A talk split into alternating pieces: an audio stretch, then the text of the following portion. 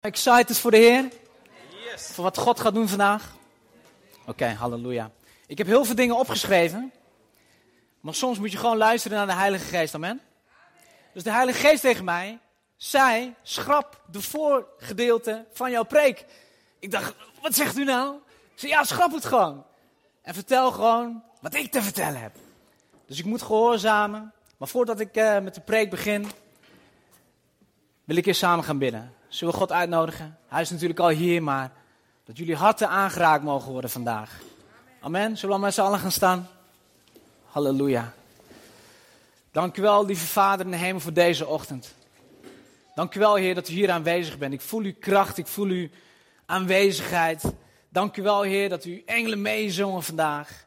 Heer, dat uw wil zal worden gedaan, Heer Jezus. Dat mensen harten aangeraakt zullen worden. Niet alleen aangeraakt, maar veranderd zullen worden. Dat, ze, dat niemand, maar dan ook niemand onveranderd hier de zaal uit zal lopen. Zul ik u danken, Heer, dat u zal genezen vandaag. Dat u zal bevrijden vandaag. Heer, en dat u vuur zal geven vandaag. Zo bid ik om open hemel, Vader. Heer, dat u door mij heen zal spreken, want ik ben slechts een vat en een instrument voor u. Dat niets wat ik uit zal spreken vanuit mijn vlees zal zijn, maar alles door uw geest. Dat elk woord rechtstreeks vanuit uw troon zo vanuit uw vader had zal komen. En door merg en been zal gaan in Jezus' naam. Amen. Amen. Oké. Allereerst wil ik uh, Willem en Janneke hartelijk danken dat ik hier mag zijn. Voor de eerste keer. Ik ben niet voor de eerste keer in Zutphen, maar uh, hartelijk dank. Ik vind het echt een voorrecht om, uh, om hier te zijn. Ik heb een keer eerder gesproken bij Nargis, bij de jeugd. Dat was echt fantastisch. Ik run zelf ook een, een soort van jongvolwassenen jeugdgroep. Jesus People heet dat. Daar wil ik niet te veel over vertellen, maar uh, het was een, een krachtige, krachtige jeugd, uh, jeugdweekend. Wie is Gideon? Nou, ik ben Gideon, ben 44 jaar, geboren in Nijverdal. Opgegroeid ook in een, in een Molukse kerk. Ik ben ook gedoopt vroeger. Ik, ik heb beleidnis gedaan. Ik ben eigenlijk traditioneel opgevoed. Um, ik ben zelf uh, zelfstandig ondernemer. Ik heb uh, drie bedrijven. Ik heb zelf een, uh, een sportschool. de core business is kickboksen. Ik heb een personal training studio. En ik heb een kledinglijn wat Jesus People Apparel is. waar ik straks iets meer ga over vertellen. Um, al 22 jaar in de Heer. Dus in 2000 tot bekering gekomen. de meeste tijd gekerkt in de Benier en Almelo. Misschien kennen jullie dat wel. Uh, ik heb uh, daar ook een aantal leiderschapsfuncties bekleed. Ik heb onder andere een ondernemersgroep ben ik daar gestart. Uh, ik heb vroeger ook in de, in de, jeugd ben ik actief geweest. Samen met John een bekende naam waarschijnlijk voor jullie. Hele goede, goede gast is het. En ja, echt fantastische dingen meegemaakt. En nu sinds twee jaar ben ik ja, oprichter van, van GS People. waar ik jullie ja, vanavond, of vandaag, deze ochtend mee wil gaan bemoedigen, is walk the walk and talk the talk. Maar voordat ik dat ga doen, uh, heeft God toch op mijn hart gelegd om een kleine getuigenis in de notendop uh, ja, op mijn hart te leggen, aan, aan jullie te geven, dat jullie een, een, helder beeld hebben van wie ik ben. Ik ben dus, uh, ja, twintig jaar geleden tot bekering gekomen. En voor die tijd ja, ben ik eigenlijk opgegroeid in een, in een gebroken gezin. Om meteen met de deur in huis te vallen. Mijn vader was drugsdealer. En uh, er was heel vaak ruzie thuis. En uh, de, de, glazen en, en, de ramen, die, die, die gingen soms zo door. Zo heftig was het. En ik hoorde allemaal geschreeuw. En heel vaak als kind huilde ik mezelf in slaap. Omdat ik het gewoon niet kon handelen. En zo in één keer, op een avond, kwam er heel veel licht. En dan was het alsof een warmte over me heen kwam. En die mij troosten omdat ik aan het huilen was. Die echt letterlijk een arm over me heen sloeg. En die zei van, het komt wel goed, het komt wel goed. En ik ervaarde dat zo en ik dacht van wow. En ik vertelde tegen moeder van wow, dat is echt een fantastisch gevoel. Wat, wat, wat zou dat ja, kunnen zijn geweest? Ze zei van, ja, misschien was het, wel, was het wel een engel. En naarmate ik ouder en ouder werd, was er zo in één keer op een dag dat de arrestatieteam binnenkwam. Boom! En mijn ouders gewoon meenam. Dus mijn vader werd in de boeien geslagen, mijn moeder werd in de boeien geslagen. En ik zat daar als klein kindje van vijf, zes jaar in mijn onderbroek te kijken van wat gebeurt hier nou allemaal. En dat was best een impact. Want ik was vroeger een, eh, een talentje op voetballen. op, uh, op de amateurvoetbalclub. En uh, mijn vader ging altijd mee. En ik kom in een klein dorpje, Nijverdal heet dat, vlakbij Almelo. En op een gegeven moment zei mijn moeder tegen mij, toen mijn vader dus vast zat, van weet je, als mensen gaan vragen waar je papa is, dan moet jij gewoon gaan zeggen tegen hen dat hij op vakantie is. Ik zeg oké, niet wetende dat Nijverdal zo'n klein dorpje is, dat als je daar, heel onieerbiedig gezegd, een scheet laat, dat de buren het morgen nog weet. Snap je? Dus iedereen weet wat, wat van elkaar. Dus op een gegeven moment was ik daar en uh, de ouders zeiden van, ja, waar is je vader dan? Waar is je vader dan? Ik zeg, oh, die is op vakantie. En toen begonnen ze me keihard uit te lachen. En zeiden van, oh ja, die is op vakantie. Ja, ze hadden natuurlijk al lang gehoord dat hij was meegenomen door de politie. En zeg maar, waar is je vader dan? Ja, op vakantie. En, en, en ik dacht bij mezelf van, wow, dat, dat komt echt binnen. En ik voelde gewoon dat ze me uitlachten en dat ze gewoon wisten dat het niet waar was wat ik zei. En toen borrelde een haat in mij. En die haat uitte zich ook op school. Dus op school werd ik een moeilijk opvoedbare kind, om maar zo te zeggen. Ik heb een, op een, verplicht op een lomschool gezeten. Dat heet voor moeilijk opvoedbare kinderen niet goed konden leren. Terwijl er eigenlijk niet zoveel met mij was, maar eigenlijk door toedoen van mijn ouders het zo is gelopen. En op een gegeven moment werd ik agressief. Ik werd er letterlijk tussen twee schotten gezet in de klas. En naarmate ik ouder werd, waren er ook steeds meer vloeken uitgesproken over mij. Van nou goed, zo vader, zo zoon, zo vader, zo zoon. En dan ging ik het geweld zeg maar opzoeken. Nou, hoe zocht ik het op dan? Ik ging naar voetbalwedstrijden. Wat voor voetbalwedstrijden? Ik begon bij FC Twente. Misschien vloek ik misschien hier, maar met, ik weet het niet. Maar dan ging ik kwam ik in aanraking met het voetbalvandalisme. En op een gegeven moment, ja, waren de relletjes. Maar ik dacht van, ja, weet je, ik wil eigenlijk, als ik geweld ga plegen, wil ik eigenlijk bij de beste de beste horen. De gekste de gekste. Dus ik ging naar een van de grootste clubs van Nederland, dus Ajax. En dan ben ik ja, in een harde kern terechtgekomen. De echte, echte harde kern. En ik, ja, heb er zulke verschillende, ik, ik wil niet helemaal in details treden, maar ik ben in ieder geval bij geweest in de eerste voetbaldoden in Beverwijk. Waar ik Kalle Pocconi destijds een vecht, uh, ja, maatje, deelnemer, hoe je het ook wil noemen, die bij de, bij de club horen, heb dood zien gaan. Ik, ik zag gewoon letterlijk toen dat hij werd doodgeknuppeld door van die heipalen op het weiland. En op het moment dat ik dat zag, kwam er iemand naar me toe en ik wou wegrennen. Het was beetje regenachtig weer op een weiland. En ik rende en ik struikelde vooruit. En iemand pakte mij op. En die, droeg me weer, die, die duwde me weer verder. Dus ik was eigenlijk nipt ja, van de dood eigenlijk. Want ze wouden me echt ja, doodmaken, blijkbaar. En op een gegeven moment dacht ik van ja, weet je, is dit het nou? Mensen rennen weg. Ik, ik, ik krijg hier niet meer voldoening uit.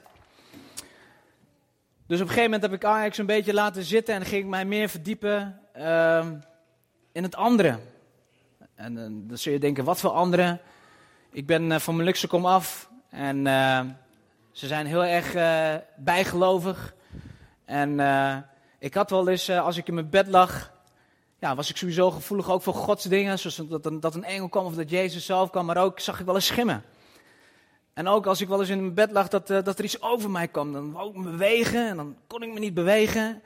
En wou ik wat zeggen en dan kwam er niks uit bij. Of dat ik een keer naar de wc ging, dat ik letterlijk gewoon door de, door de, schaduw van het licht een schim achter me heen uh, langs uh, zweefde. En dat ik gewoon kippenvel kreeg. Maar ik had er niks mee gedaan. En zo op een blauwe maandag zat ik bij mijn oom in de tuin. En vertelde ik dat verhaal. En hij zei tegen mij van, ja, maar waarom heb je dat niet eerder gezegd, Gideon? Ik zeg, ja, maar waarom had ik dat dan moeten vertellen? Hij zegt, nou, daar heb ik wel wat voor. Ik zeg, nou, wat dan? Hij zegt, daar heb ik spreuken voor. Ik zeg, nou, maar wat voor spreuken dan? Er zijn dan spreuken waar wij de voorouders gaat oproepen. Ik zeg, oké, en die jagen dus die alle boze geesten die jou storen in je slaap of die achter jou zweeft, die jagen ze weg. Ik zeg, nou, fantastisch. Ik zeg, en dan nog wat? Je gaat ook wel eens naar Ajax, toch, of niet? Hij zegt, ja. Hij zegt, nou, dan heb ik nog andere spreuken, omdat het Molukse volk toch een beetje een, een oorlogsvolk is, net de Indianen. Hij pakt hem voor en zei, zie je deze glas? Ik gebruik het even, deze glas. Als je niet naar die kant toe gooit, gaat hij zo met een boogje, hup, valt hij zo op de hoofd van diegene waar jij hem wilt hebben. En als iemand voor mij staat, ook met rellen, ik sla iemand, dat die anderen, diegenen die achter hem staan, ook zullen vallen. Dus ik dacht van, oh, oké. Ik zeg, het zal wel. Op dat moment geloofde ik het nog niet zo. Totdat ik een keer in Spanje was. En gewoon ervaren dat een bovennatuurlijke kracht, toen ik die voorouders ging aanroepen, over mij heen kwam. En ik werd echt super agressief. En ik werd bijna onschendbaar, want er was een grote groep mensen die me probeerden aan te vallen. En zonder dat ik hun aanraakte, maakte hij gewoon een halve salto, boem, achteruit. Dus ik dacht van, wow, dat is echt super heftig. Daar wil ik wel meer van weten.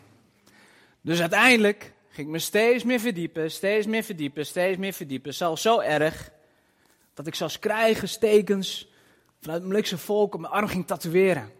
Zo diep zelfs. En op een gegeven moment had ik echt een toverboekje met hekserij, Molukse hekserij. Die ging beoefenen.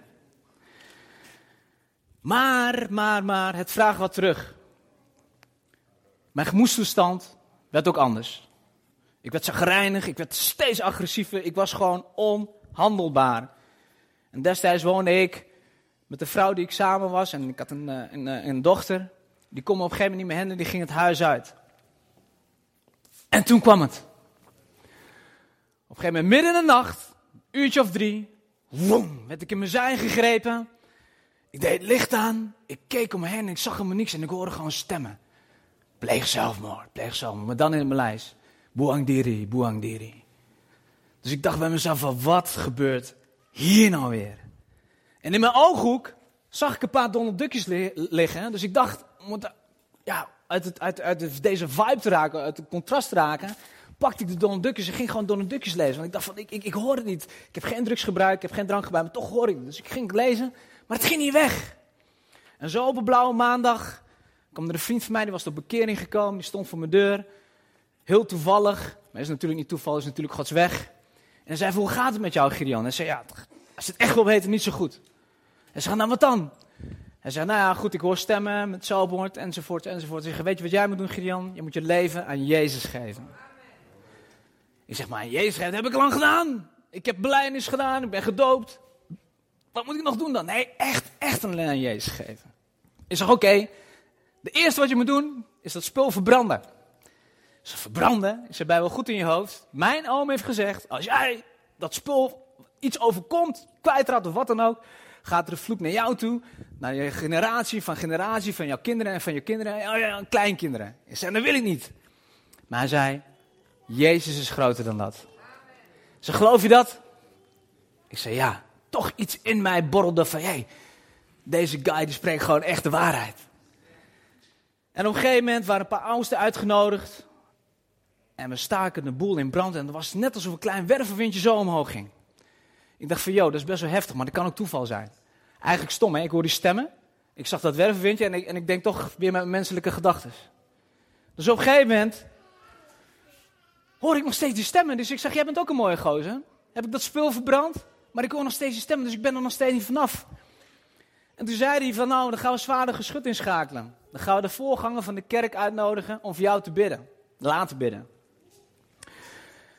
En die man, die voorganger, die had uh, ja, een zendingsreis van tien jaar op zitten in, op Ambon. Dus hij kende de hele cultuur van de Molukken. Dus hij wist waar ik mee bezig was. En ik was gewoon super zenuwachtig, joh. En ik zeg van, nou, wanneer gaat die gast nou voor mijn huis bidden? Want dan kan ik eindelijk slapen.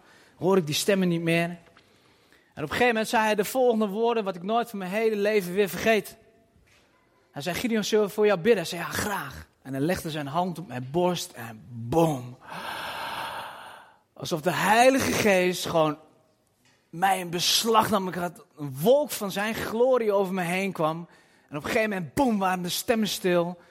En ik dacht van, wow, wat is dit heen? Dezelfde aanwezigheid wat je nu op dit moment ook voelt.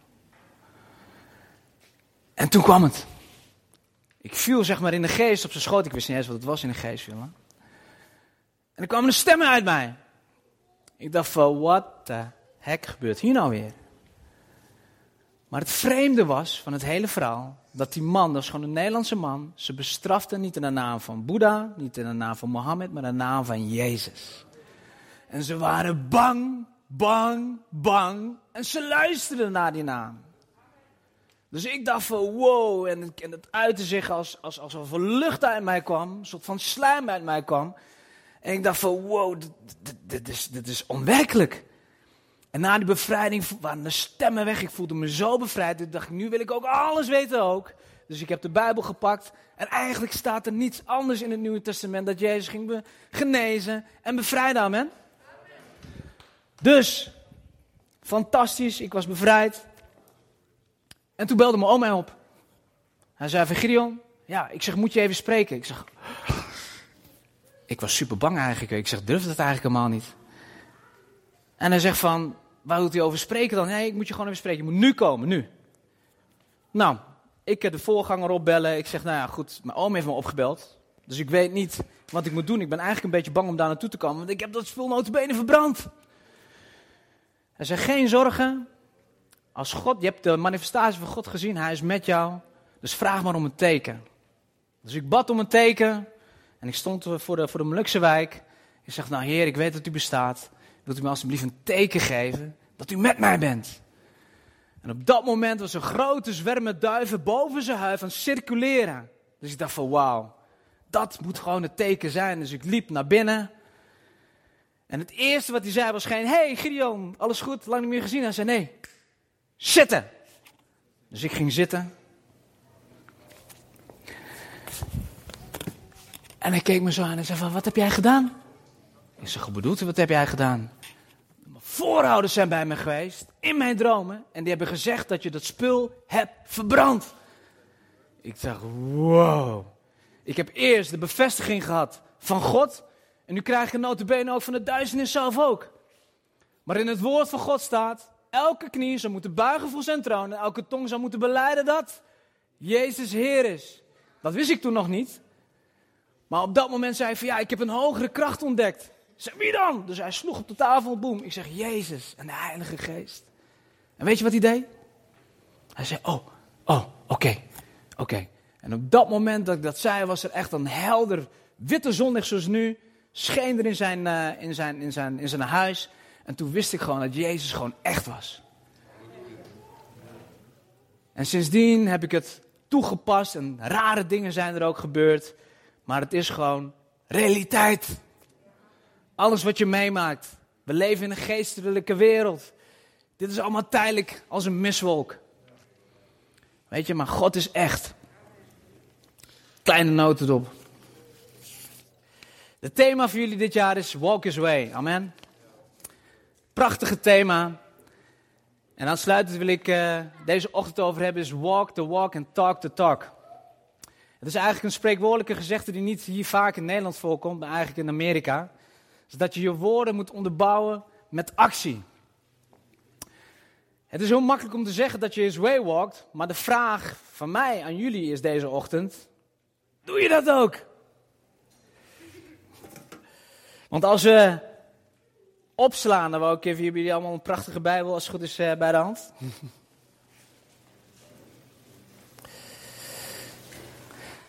Staat er in Jacobus 2, nou ja goed, ik zeg het wel even op. Geloof zonder werken is. Amen.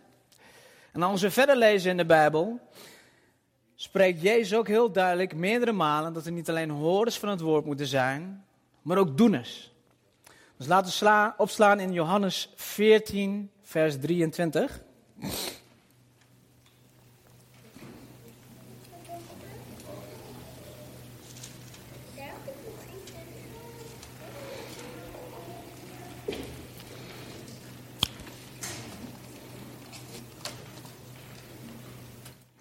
En Jezus antwoordde, ik lees overigens uit de basisbijbelvertaling, omdat ik het prettig vind om in Jip en Janneke taal te spreken. Jezus antwoordde hem, iemand die van mij houdt, zal doen wat ik zeg. Mijn vader zal van hem houden en wij zullen bij hem komen en in hem wonen. Iemand die niet van mij houdt, doet niet wat ik zeg.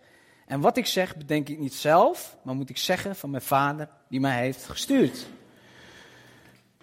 Wow, dat is best, eigenlijk best wel heftig, hè, wat, wat hier staat. Heb je er ooit wel eens stilgestaan, bij stilgestaan wat hij er eigenlijk zegt? Hij zegt gewoon heel duidelijk, iemand die van mij houdt, zal doen wat ik zeg. En iemand die niet van mij houdt, doet niet wat ik zeg. Is toch wel iets om over na te denken. En als we verder lezen in Jacobus 1, mogen jullie ook opslaan. Jacobus 1, vers 22.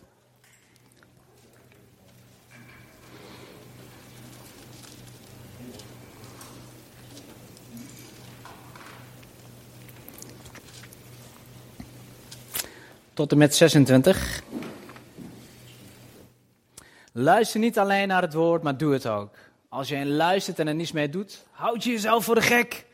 Stel dat iemand het woord wel hoort, maar er niets mee doet, dan kun je dat vergelijken met iemand die zich in de spiegel bekijkt, maar ook onmiddellijk vergeet hoe hij er weer uitziet. Walk his way. Is toch veel christenen mak gemakkelijker gezegd dan gedaan. Weet je, ik zeg jullie eerlijk, tijdens mijn 20 jaar bekering, walk ik the walk en talk ik the talk eigenlijk de laatste zeven jaar van mijn christelijke leven. Weet je, heel vaak leefde ik van zondag tot zondag of van evenement tot evenement. En als een keer een beroemde spreker kwam of je had een keer een fire evenement, was ik zo on fire en ik van wow, halleluja, prijs je wonderbare naam. En de tweede dag was het ook halleluja, prijs je wonderbare. En de derde dag was het halleluja, prijs je wonderbare. En de vierde dag was het toch weer in dezelfde sleur. En ik dacht bij mezelf, hoe kan het nou elke keer als je zo excited bent en eigenlijk afhankelijk wordt van die gloriemomenten. Dus mijn verlangen was eigenlijk om continu in zijn aanwezigheid te kunnen zijn. En ik heb serieus ook een keer gevraagd aan een gastprediker en ook een profeet, die, die, waar ik zijn aanwezigheid, of de, de, de Gods aanwezigheid zo krachtig ervaar, dat, dat, dat ik hem gewoon vroeg toen ik hem naar België heen bracht, van hoe kan het nou dat, dat ik continu die aanwezigheid zo om je heen voel? Hij had me geen duidelijk antwoord op gegeven en ik, en, en ik richtte mijn zoektocht weer verder. En wat ik zeven jaar geleden eigenlijk achterkwam, dat het uh, was, een, was een preek van Maaike Koulianos. Ik weet niet of jullie die kennen. Het is een uh, schoonzoon van Benny Hinn. En niet om de persoon zelf, maar bij de boodschap die hij gaf. Wat hij vertelde, is dat je continu in zijn aanwezigheid kan zijn. Ik zeg, yo, ik zeg, dat is waar ik altijd naar op zoek ben. Dus ik zat naar zijn preek te kijken. Ik dacht van iedere dag, iedere dag, zei hij. En weet je welke keys, of eigenlijk de eerste belangrijkste key hij gaf om continu in zijn aanwezigheid te zijn? Spend time with Jesus.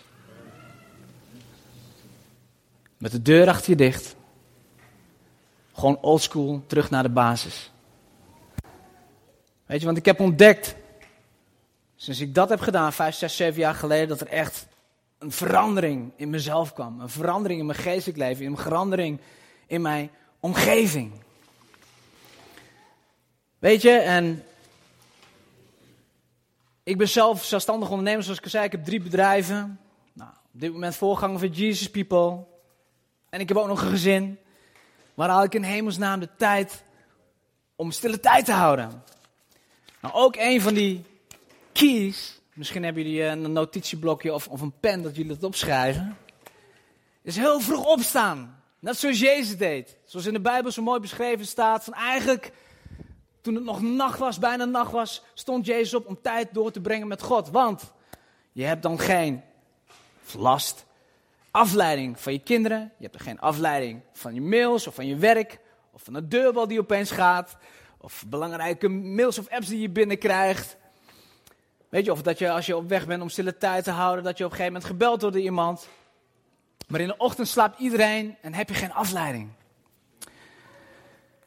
En ook belangrijk wat ik heb ontdekt, wat is het eerste wat je leest? Weet je, er wordt wel eens gezegd, breakfast is the most important meal of the day, amen. Wat wordt er gezegd van, het, van, van Gods woord? Dat Gods woord het brood des levens is, amen. Dus het eerste wat ik ook wil lezen is het woord van God. Dat je zeg maar voedt, niet met de eerste mails of de reacties die je op Instagram of Facebook hebt gelezen. Maar dat je daadwerkelijk voedt wat met God aan jou deze ochtend wil zeggen. Weet je, ik wil niet dat mijn gedachten worden vergiftigd door allerlei berichten die helemaal niet belangrijk zijn voor die morgen.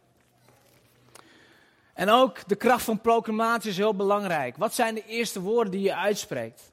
Ook hierin heb ik geleerd dat ook de eerste woorden, als ik ochtends wakker word, denk dank u Jezus voor deze nieuwe dag. Prijs uw wonderbare naam wat u gaat doen. Is het dan ook de manier hoe je bidt? Bid je dan meteen je hele playlist af of vraag je daadwerkelijk aan Jezus en aan God van, hé, hey, wat kan ik voor u doen vandaag? Waar wilt u mij voor gebruiken? Een andere mindset.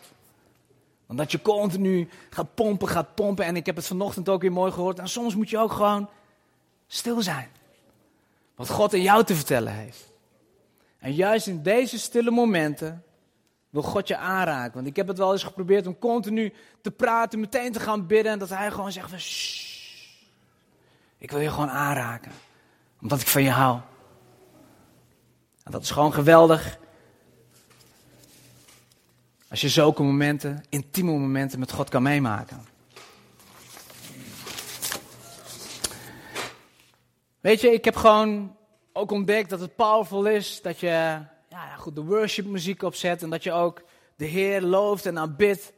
Niet alleen hier op zondag, maar ook in je huis. Je zullen vast wel gehoord hebben, omdat je het ook uitspreekt. Dat heeft gewoon veel kracht en brengt doorbraak ook in de, in de hemelse gewesten en in, in de atmosfeer ook waar je werkt. Dus ook op mijn werk bijvoorbeeld ben ik ervan afgestapt om wereldse muziek te draaien. Ik draai gewoon op mijn werk worship. En de klanten die bij mij komen, die denken echt van, wat is dit voor halleluja muziek? maar ze worden wel aangeraakt. Want door die goddelijke atmosfeer beginnen zomaar mensen te huilen. En zeggen, ja, ik weet niet waarom ik moet huilen. Ik zeg, dat is God. Weet je, en de Heilige Geest dwingt zich niet op. Hij is een gentleman en hij zorgt en hij creëert gesprekken. En soms hoef je niet meteen met de deur in huis te vallen. Oh, je moet je leven aan Jezus geven. Maar begeleidt hij dat op een natuurlijke manier. Weet je, en dat is ook hoe ik uh, de laatste paar jaren leef. Dat je weer terug naar het hart van de aanbidding moet gaan. Terug naar de basis. Want iedereen, tenminste ik neem dat iedereen bekeerd is, kan die dag nog wel herinneren toen ze pas bekeerd waren, toch? Dat je iedereen wil vertellen over Jezus. Dat je alles zag door een roze bril. Dat je alles fantastisch vond in de Bijbel. Dat je gewoon ging markeren. Zelfs klaagliederen. Dat je zo excited was en dat je gewoon zat te huilen. Als we een preek of als we een liedje horen. Weet je, er is een liedje van mijn eerste liefde doet licht oplaaien. Ken je dat liedje? Weet je, die eerste liefde moet niet van vroeger. Hey, weet je, vroeger Weet je, toen was het zo mooi, weet je, nog die glorietijden. Nee, God wil juist dat je van heerlijkheid tot heerlijkheid gaat. Dat je continu in zijn aanwezigheid bent en komt. Dat jij het licht van de wereld bent en het zout der aarde. Dat jij een representative bent of een ambassadeur van God zelf. Maar het brengt offers. En het is tijd doorbrengen met Hem. Want alles draait om Hem, amen. Hij is de Alpha en Omega. Hij is de deur. Hij is de stralende morgenster. Er is niemand zoals hem de laatste avond, het voleinder van het geloof. En die relatie met de Heilige Geest moet gewoon tastbaar zijn. Want hoe meer jij in hem investeert, hoe meer hij in jou investeert, hoe meer hij mensen jou toevertrouwt. Weet je, verschillende soorten mensen komen op mijn pad. Niet alleen ongelovigen, maar ook gelovigen. Bijvoorbeeld, ja, vrijmetselaren. Uh, mensen die bij Noorse broedschap hebben gezeten. En ik krijg gewoon interessante gesprekken en ik weet ook niet altijd het antwoord op alles. En soms hebben hun nog meer bijbelkennis als ik, want dan citeren ze dingen en denk van, oh, daar moet ik even over nadenken.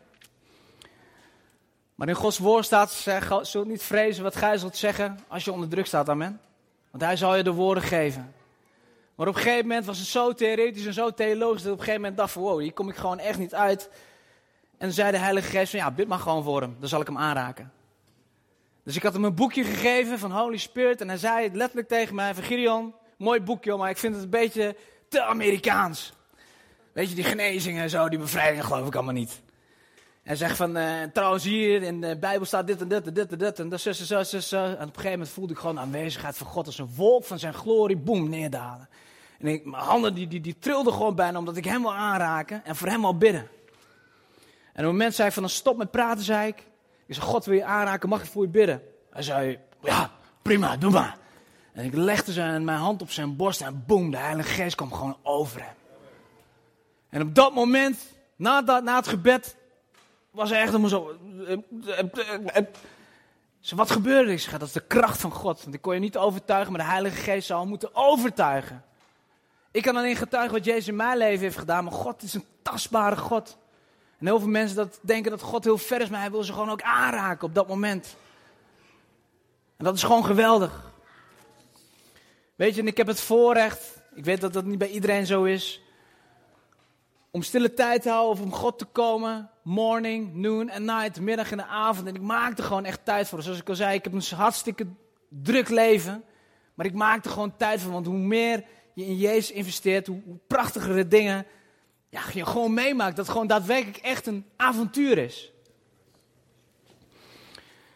Weet je, en een van onze motto's en uh, zeg maar ook, tenminste van Jesus People, van dat wij uit willen gaan. Weet je wat ook de opdracht in Marcus 16 vers 15 zegt?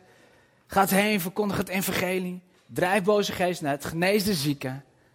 Weet je dat het geen vraag is van, hé, hey, als, als je in de gelegenheid bent, of als je even tijd hebt. Nee, het is een opdracht.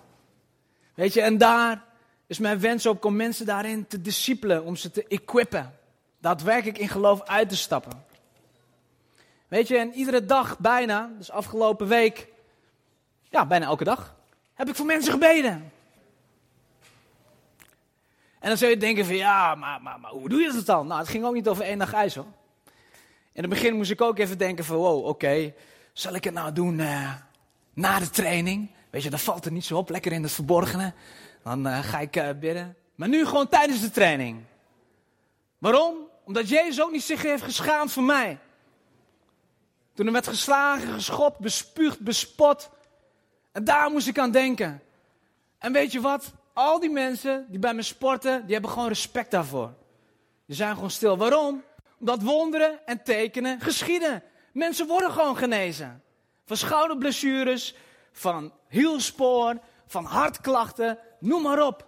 Gods geest is daar gewoon aanwezig. Tuurlijk voel je in het begin ongemakkelijk, maar ik geloof, zoals David de Vos wel dus heel mooi beschreef, dat God of Jezus echt op het puntje van zijn stoel zit, naast de engelen, of misschien wel naast God zelf, want hij heeft zich gevestigd naast zijn rechterhand God, amen. Zijn vader aantikt van, hé, wat gaat Gideon doen? Wat ga jij doen? Wat ga jij doen? Wat ga jij doen? Gaat hij dan echt daadwerkelijk mijn naam proclameren? En gaat hij daadwerkelijk echt geloof in geloof uitstappen? Dat ik besta, dat ik nog steeds vandaag, gisteren hetzelfde ben. Nog steeds genees, nog steeds bevrijd. En nog steeds mensen red. En dan komen genezingen. Er komen bevrijdingen. Fantastisch. En dan zou je denken van ja, Weet je, Gideon, misschien is het wel zo bij jou, want jij komt een beetje uit, uh, ja, uit die Molukse wereld en uh, uit de cultuur. En misschien ben je daar gewoon wat gevoeliger voor. En uh, dat is voor ons Westenen misschien helemaal niet zo. Maar ik zou je vertellen dat Gods aanwezigheid zo sterk aanwezig is, dat niet alleen de mensen van gaat huilen, maar ook gaan manifesteren. Want ik had op een gegeven moment een, een, een jongen die zou wel inschrijven. En hij zei tegen mij van, hey, ja, nou ja, goed, fantastisch. Nou ja, goed, is het het enige wat je doet? Ik zeg, ja, ja, nou ja, goed, weet je, ik, eh, ik run ook een groep. En hij zegt van, oh ja, leuk, ja, ik ben ook uh, uh, gelovig opgevoed. Mijn vader was pastoor, mijn, mijn opa was pastoor. Ik, ik heb zelfs theologie gestudeerd. Ik zeg, oh wow, dus je houdt ook van Jezus? Hij zei, nee. Ik zeg, ik ben er helemaal vanaf gestapt. Ik ben gewoon van overtuigd dat hij niet meer bestaat. Ik zeg, nou, ik wil je een fantastisch verhaal vertellen, eigenlijk mijn getuigenis. Maar dat ging dus niet door, want hij wou het niet horen. Maar uiteindelijk bad ik voor hem en kreeg ik wel de gelegenheid om mijn getuigenis te vertellen aan hem. En dan zei hij van, ja weet je, het is allemaal fantastisch wat je hebt meegemaakt over de demonen, maar dat geloof ik helemaal niet. Weet je, ik denk dat jij gewoon een beetje psychische problemen hebt. En dat je dat gewoon allemaal, ja, niet hebt, goed hebt gerelativeerd of zo. Dat je Ritalin moet gebruiken of weet ik veel wat. En zo op een blauwe maandag was ik aan de balie aan het afrekenen. Ik heb een grote overheaddeur. En op een gegeven moment zag ik die gast met een zonnebril op. Die kwam tijgerend zo onder de deur langs. Ik dacht wel. Ik zeg oké. En ik was aan afrekenen met een andere klant. En hij liep langs. Hij pakte die 5 euro. Stopte in een zak. En liep zo rechtstreeks naar de kleedkamers toe. Dus ik dacht. Wat doet hij dan? Dus op een gegeven moment ging ik naar die gast toe. En ik zei tegen hem van. Yo, uh, pakte jij nou nog geld van de balie? En liep je nou gewoon weg? En toen keek ik recht in zijn ogen. En dat is ook de geest van onderscheiding. En zei van ja. Ja, ik pakte, ik was het, ik pakte geld, ik pakte geld, ik pakte geld. En meteen wist ik van, yo, ik kreeg meteen kippenvel. Ik dacht van, oh, dit is echt iets geestelijks. Ik zei van, nou weet je, laat het geld maar gewoon terugbrengen, anders wordt Romaan niet getraind vandaag. En dan gaf het trainen, ja, maar dat moest ik doen. Dat moest ik doen, dat moest ik doen, dat moest ik doen. Ik zeg, oh, oké. Ik dacht, nou, doe maar gewoon rustig aan. En op een gegeven moment begon hij te knielen. Uh, uh, voor mij, ik dacht van, wat de heck. En al die huismoeders en al die andere gasten die daar waren om te trainen, die zaten echt te denken van, wat gebeurt hier nou weer? En toen moest ik denken aan het verhaal. Van de bezetene van Gadana. Dat hij naar Jezus toe en op een gegeven moment op zijn knieën valt. Van wat heb jij met ons te maken? Gij allerhoogste, gezalfde gods. Dat die gast niet knielde voor mij, maar voor hij die in mij is. Want hij die in mij is, is groter dan hij die in de wereld is. Amen. Dat daadwerkelijk, dat je het licht van de wereld bent, het zout der aarde. En op het moment dat hij dat zag, ja, werd hij helemaal gek. Dus op een gegeven moment, tijdens de warming-up, begon hij gewoon letterlijk te rennen en te slaan op de muren, te springen, de trap boven op en neer te rennen. En de mensen werden bang. En op een gegeven moment zei hij van, nou weet je wat, misschien is het toch beter dat je een andere keer terugkomt. Dan kunnen we er rustig over praten. Hij zei van, ja oké, oké, is goed. Dus hij zat daar en letterlijk joh, hij schopte gewoon zijn schoenen zo, zo door de hal en ik zeg, oh nee hè. En toen kwam het moment dat hij zo voor mij ging staan. En ik dacht bij mezelf, ja, wat moet ik dat doen? En de Heilige Geest tegen, tegen, tegen mij van, je raakt hem met geen vinger aan. Ik zeg van, oké. En op een gegeven moment zei ik van, nou, laten we dit gewoon even bekoelen. Kom volgende keer maar weer. En dan praten we erover. En op het moment dat hij dat zei, trok hij zijn kleren gewoon uit. Het was nog bewolkter als nu en nog kouder als nu. Hij liep gewoon half naakt, rende hij gewoon naar buiten heen. Terwijl hij van tevoren had gezegd dat hij niet geloofde in demonische macht of krachten. Maar dat is gewoon wat er kan gebeuren. Super heftig, toch of niet? Maar de naam van Jezus is groter dan dat.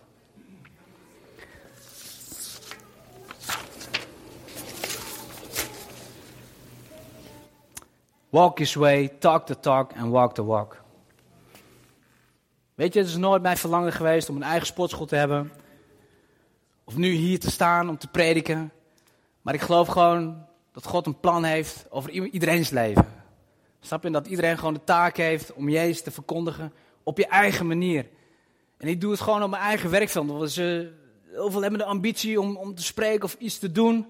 Of op zendingsreis naar China te gaan, terwijl ze hun eigen buurman nog niet eens hebben verteld over Jezus. Snap je? Maar de Heilige Geest dwingt zich niet op. Ik kom uit Twente. Het is niet zo dat jij naar de buurman heen moet gaan en op de deur moet kloppen. Hé, hey, uh, ken je Jezus, hè? Nee, bid erom. Want hij creëert gewoon gesprekken die hij kan leiden en waar jij kan vertellen over de koning der koningen. Maar wat doe je dan op dat moment? Proclameer je daadwerkelijk zijn naam? Vertel je over jouw eigen getuigenis, want iedereen heeft een eigen getuigenis? Of hou je mond dan dicht? Weet je, en ja, ik heb zoveel getuigenissen paar in de notendop. Op een gegeven moment merk ik het niet alleen ja, op de sportschool, maar overal waar ik naartoe kom, joh. Ben ik grenzeloos verliefd op Jezus.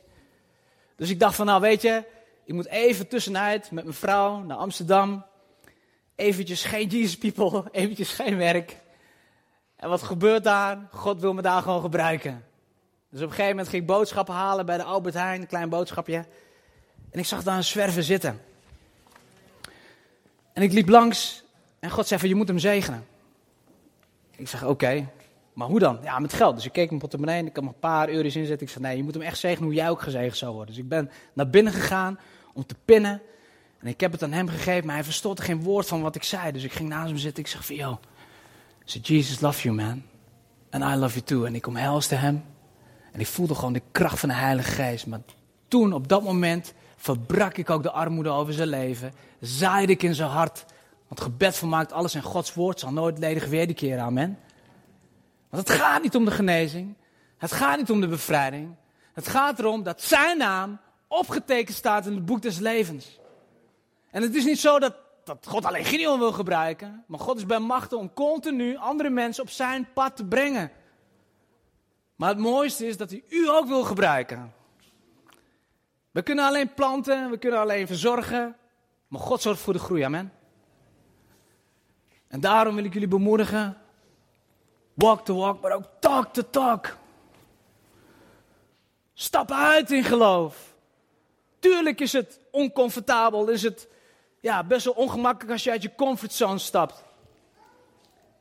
Maar dat deden eigenlijk alle Bijbelfiguren in de Bijbel, amen. En ik denk dat God er eigenlijk ook helemaal geen probleem mee heeft als je je soms ongemakkelijk voelt. Sterker nog, ik denk dat hij het wel leuk vindt om te kijken wat je doet.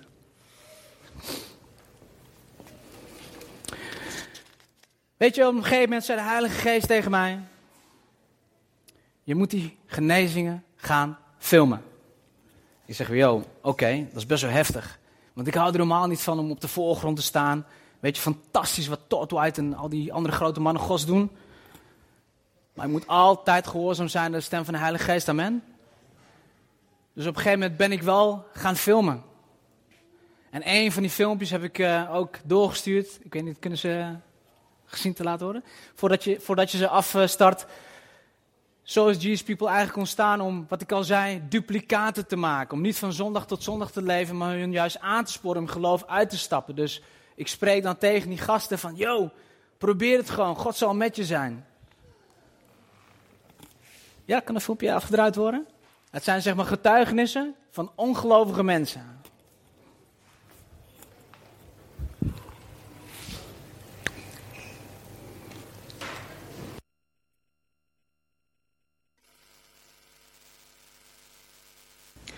Jongens, ik wil je even wat uh, laten zien. Dit is uh, Kanner. Kanner uh, is zelf niet gelovig, of nee. althans, hij is niet gelovig opgevoed. Hij is wel een paar keer op opwekking geweest. Maar ze zien maar hoe God mensen op mijn pad brengt. En Kanner had last van zijn knie. En ik heb voor zijn knie gebeden. En, maar. Bijna niks. Helemaal weg. Helemaal weg. Zo goed als. Wat zeiden de dokters? nou, dat moet eigenlijk nog blijken. Ja, dus, maar, maar wat, wat constateerden ze? Wat dachten ze? Iets aan mijn, aan mijn kraakbeen. Kraakbeen, oké. Okay. Nou, halleluja jongens, zo is het maar. Jezus is real. Laat de bemoediging voor jullie zijn. Oes.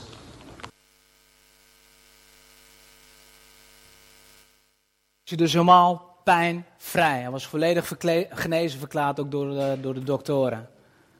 Yes, mag het volgende filmpje getoond worden? Oké, okay, halleluja. Nu ben ik weer. Uh, ik heb weer een nieuwe getuigenis. Dit is... Laura. En Laura had heel veel last van zijn rug, van haar rug, sorry. En uh, vertel maar wat, wat, je, wat je had. Je bent aan de fysio geweest. Uh, ja, fysio, alles gehad. En nou ja, elke week eigenlijk weer bij de fysio, omdat het niet echt hielp. Ja, voor een tijdje. En nu, ja. Ben je gelovig, Laura? Nee. Nee? Nee, nee. oké. Okay. Wel gedoopt en gelovig opgevoed ja, zijn? Dat wel. Oké. Okay. En wat gebeurde toen? Toen had ik jou gevraagd om voor je te bidden. Ja, dat voelde ik een hele gekke warmte. En daarna was het gewoon zo goed als weg. Klasse, mooi. Nou, zo zie je maar weer hè, dat Jezus geneest. En uh, het zat nog een klein beetje last in, uh, in de nek. Maar toch uh, ervaren ze toch wel weer wat toen ik net weer voor had gebeden. Dat, ja, het is echt wel een verschil. Het is toch? zo raar, ja. En je had het tegen je ouders uh, gezegd, toch? Ja, ook. Ja. ja. Ja, nou kijk, en dat is een getuigenis, hè? Dat je stappen in geloof zet en dat Jezus voelbaar is en tastbaar is. Laat een bemoediging voor jullie zijn, in Jezus' naam. Doei.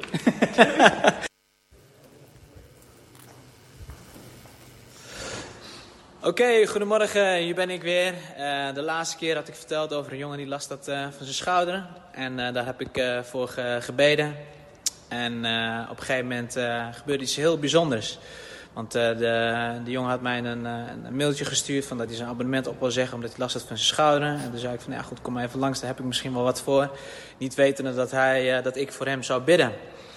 Maar ik had op een gegeven moment voor zijn uh, schouder gebeden. En uh, ja, goed, vertel maar uh, je ervaren wat. dit is Ronan trouwens. Ronan. Ronan, ben je, ben je gelovig, Ronan? Ik ben niet gelovig, nee. Ook niet gelovig opgevoed. Um, toen ik last had van mijn, van mijn schouder, toen inderdaad wou ik eigenlijk stoppen met, met het kickboksen.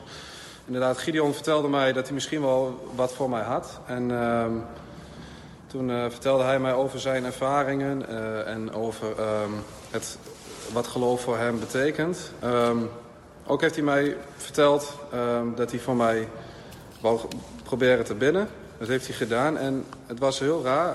Hij legde zijn hand op mijn, op mijn schouder en, en Gideon vertelde mij... je kunt zo meteen, kun jij, uh, ik, ik, weet niet meer precies hoe je het zei... iets, iets ervaren, iets voelen. En als eigenlijk niet-gelovige voelde ik inderdaad toch iets door me heen gaan. En eigenlijk sinds, ehm, sinds het eh, bidden voor mijn schouders dat het beter gaat... is het ook inderdaad beter geworden. En dat is wel echt, ehm, ja, dat is wel echt gaaf om uh, mee te maken, zeg maar. En om uh, ja, te zien. Ja. Op, op, een gegeven moment begon, begon, ja, er gebeurde iets heel iets merkwaardigs. Op een gegeven moment had ik een gemeld van... nou, gaat het dan met je schouder? En uh, ik had voor je linker of je rechter schouder ge gebeden? Uh, beide. De, de, vooral uh, links. De, de, eerste keer, de, eerste keer. de, eerste keer was links. Links was links. Ja, ja. En toen gebeurde iets heel merkwaardigs. Wat gebeurde toen, Ronan? Nou, ik voelde, ik voelde een, iets in me, iets door me heen ja. gaan. Het was een, een raar... Eigenlijk moeilijk te beschrijven wat voor gevoel het van mij was. Dus, en toen, toen, toen appte je mij van dat het verplaatst was, toch? Ja, toen ja. was het mijn rechterschouder. Toen was het, zoals ze rechts Dus, ja. dus je ziet al gewoon dat het, dat het geestelijk is, want hij was ook naar de fysiotherapeut geweest en, en daar konden ze niks vinden, hè? Daar was niks. Nee, niks. En, nou, en vanaf toen is dat ook een bevestiging voor mij geweest van dat het echt iets geestelijks is. Dus toen hebben we voor, voor beide schouders gebeden. En toen heb ik niks meer van Ronald gehoord. Op een gegeven moment was ik in Basic Fit. En toen zag ik uh, Ronan de volgende oefening doen uh, met de schouders, beide schouders. ja, en toen zei ik van, oh, dat gaat toch wel goed uh, met Ronan. En nou, dat blijkt dus dat hij volledig genezen is, toch Ronan? Zeker, ik heb geen pijn, meer, geen pijn meer. Nee. Nou, halleluja. Laat het een bemoediging voor jullie zijn. En op naar de volgende. Amen.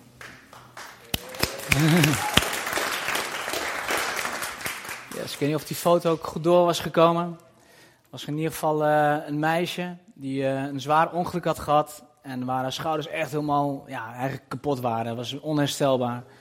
Ik zeg van nou weet je, ik kan voor je bidden. Nee heb je, een ja ik je krijgen. En ik stapte in geloof en ik had haar de handen opgelegd. In de naam van Jezus geloof ik dat God jouw schouders wil genezen. En het was genezen. Ze was zo blij zoals dat het tegen haar moeder had verteld. En dat de moeder zei van ja, je moet wat kopen. Dus ik zie je misschien ook daar op het balie staan, een stukje merci en een andere presentje. En weet je, het gaat me echt niet om de cadeautjes, maar dat is op zich al een beloning, een cadeau voor mij dat God werkt. En deze morgen wil ik jullie bemoedigen. Dat het niet alleen ik is, of alleen Shining Stars op dit moment, zoals een, zoals een prachtig werk wat Tom van der Wal of Matthäus van der Steen. Nee, maar dat God ook door jou, door jou, door jou, door jou, door jou en door jou wil werken. Zolang hij maar uitstapt in geloof. Want God heeft geen aanzien der persoons. Amen. Maar het is gewoon die tijd wat je met hem door wil brengen. Dat je fantastische dingen meemaakt. Heb ik nog even de tijd of moet ik. Uh... Ja? Oké. Weet je, en wat ik zei met Gods woord zou noodledig weerkeren. En soms bid je voor mensen. En dan gebeurt er maar niks. Maar je hebt wel gezaaid. Weet je, dus je moet niet teleurgesteld zijn. De eerste keer dat je voor iemand gaat bidden, wat ik ook al eens heb meegemaakt, was een jongen die had op een gegeven moment een stuk van cactus in zijn ogen gekregen. En dan zei van, oh Gideon, ik moet mijn abonnement opzeggen, want het gaat niet goed met mijn ogen. Hij moet misschien wel eruit, want we hebben nou een afspraak gepland om te kijken of hij eruit moet of dat hij behouden mag worden.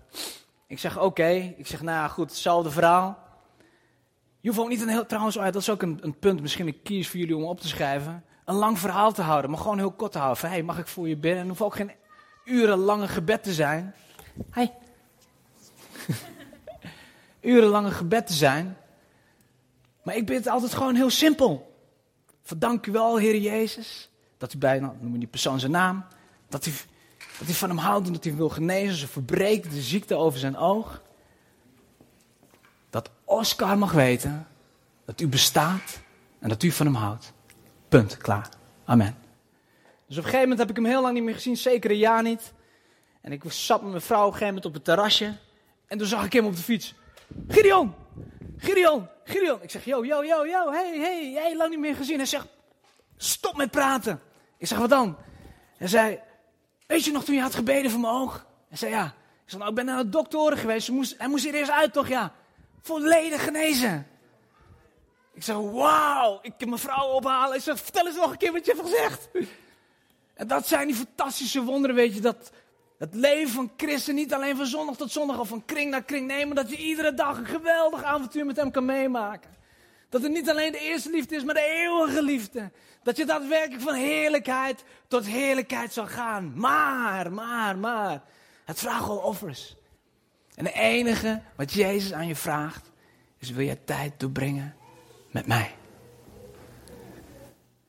Weet je, en dan kun je wel zeggen van ja, ik ga niet zo vroeg opstaan. Maar wat zou je doen? Als je een afspraak hebt met, met, met, met, met uh, koning Willem, Alexander en Maxima, of, of, iemand anders die belangrijk voor jou is. Zet je dan ook je wekker op snoes? Nee, dan sta je vijf minuten of tien minuten van tevoren op en dan doe je haar en maak je mooi. Hoe dan als jij een ontmoeting en eigenlijk een afspraak hebt met de koning der koningen, de schepper van hemel en aarde, met Jezus Christus zelf, die zelfs een persoonlijke ontmoeting met jou wil hebben. Kan misschien de muzikanten naar voren komen? Weet je, en deze ochtend wil ik uiteraard ook meteen gebruik van de gelegenheid maken. Dat als er die mensen zijn die gebed, genezing, bevrijding nodig hebben. Dat hier de key moment nou op dit moment is. En weet je, soms, weet je, iedereen heeft pieken en dalen. Dat heb ik ook gehad. Ik ben al twintig jaar bekeerd. Maar God wil dat je een stabiel leven leidt. Dat je niet van piek en top elke keer valt en opstaat. Tuurlijk, we hebben prachtige bijbelteksten, de rechtvaardigen ze zeven keer opstaan en weer vallen. Maar er staat ook in de Bijbel, je moet niet continu van melk willen leven. Op een gegeven moment moet je vast voedsel hebben. Moet je je autoriteit kennen. Moet niet altijd zo denken van, oh, ik heb zoveel strijd. Oh, ik kan niet meer. Nee, je bent een kind van de Heer. Amen. Jij bent het licht van de wereld en zouden aarde. Sterker nog, hij zei, je zal nog grotere dingen doen dan hij heeft gedaan. Geloof je dat? En als jij op dat punt zit, of misschien zit je helemaal niet op dat punt, God wil je gewoon aanraken deze morgen. Dat er vuur uit de hemel mag komen. Zullen onze ogen sluiten? Dank u wel, Heilige Geest, dat u hier bent.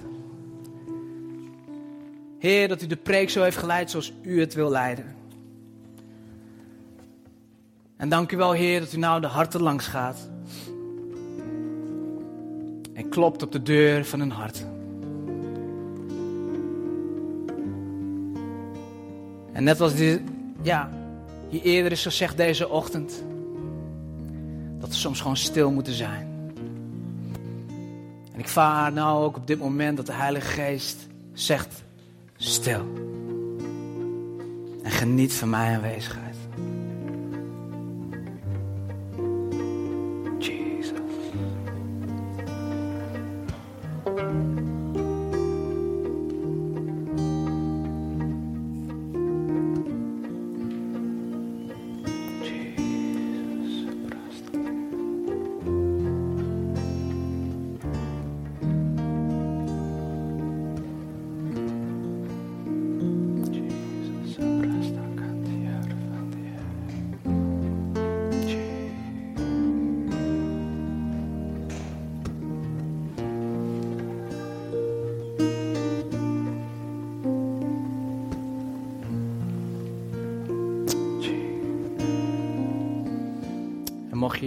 Deze morgen.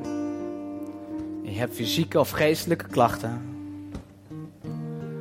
Dan wil ik je vragen om op te staan voor het aangezicht van de Heer.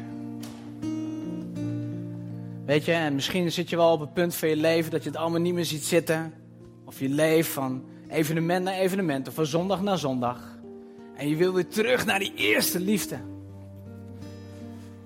Dat die persoonlijke relatie met Jezus terug naar de basis waar het eigenlijk allemaal om gaat. Dan wil ik je vragen om ook op te staan. Weet je, en misschien ben je al on fire en wil je nog meer vuur ontvangen. Nou, dat kan, want Hij is hier. En dan wil je steeds meer en meer en meer en meer en meer en meer en meer geven. Overvloedig. More love, more power. More of you in my heart.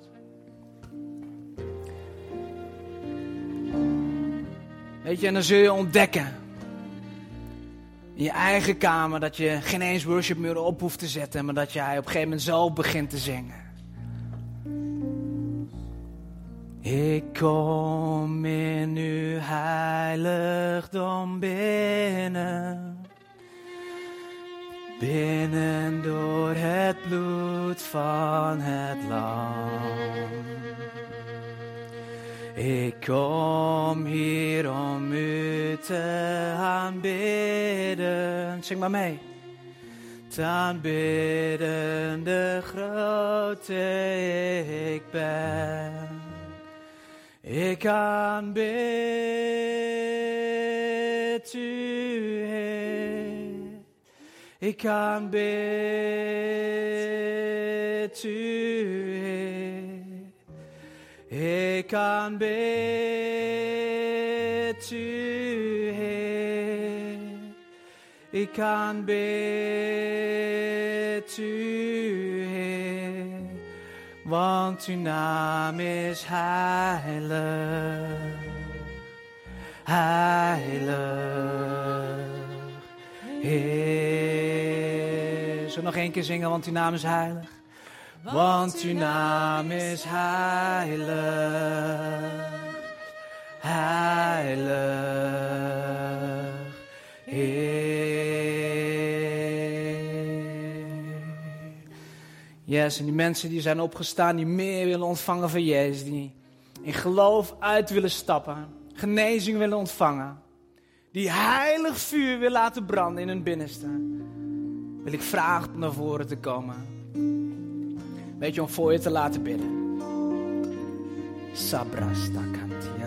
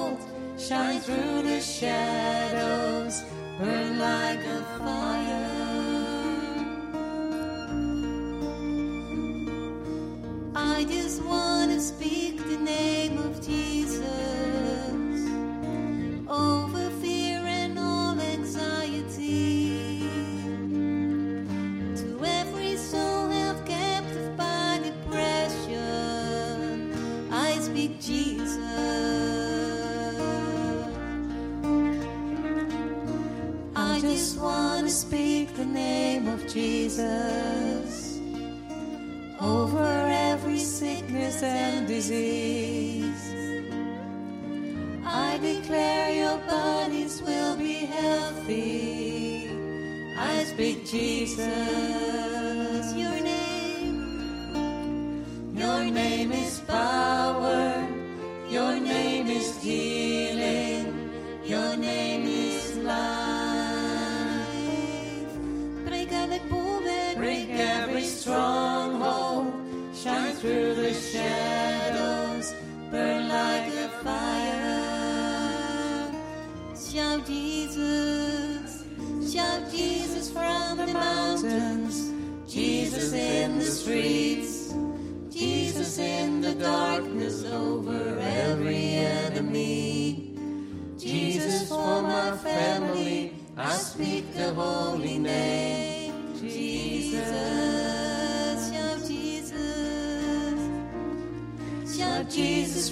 the mountains, Jesus in the streets, Jesus in the darkness over every enemy. Jesus for my family, I speak the holy name, Jesus, your name. Your name is Father.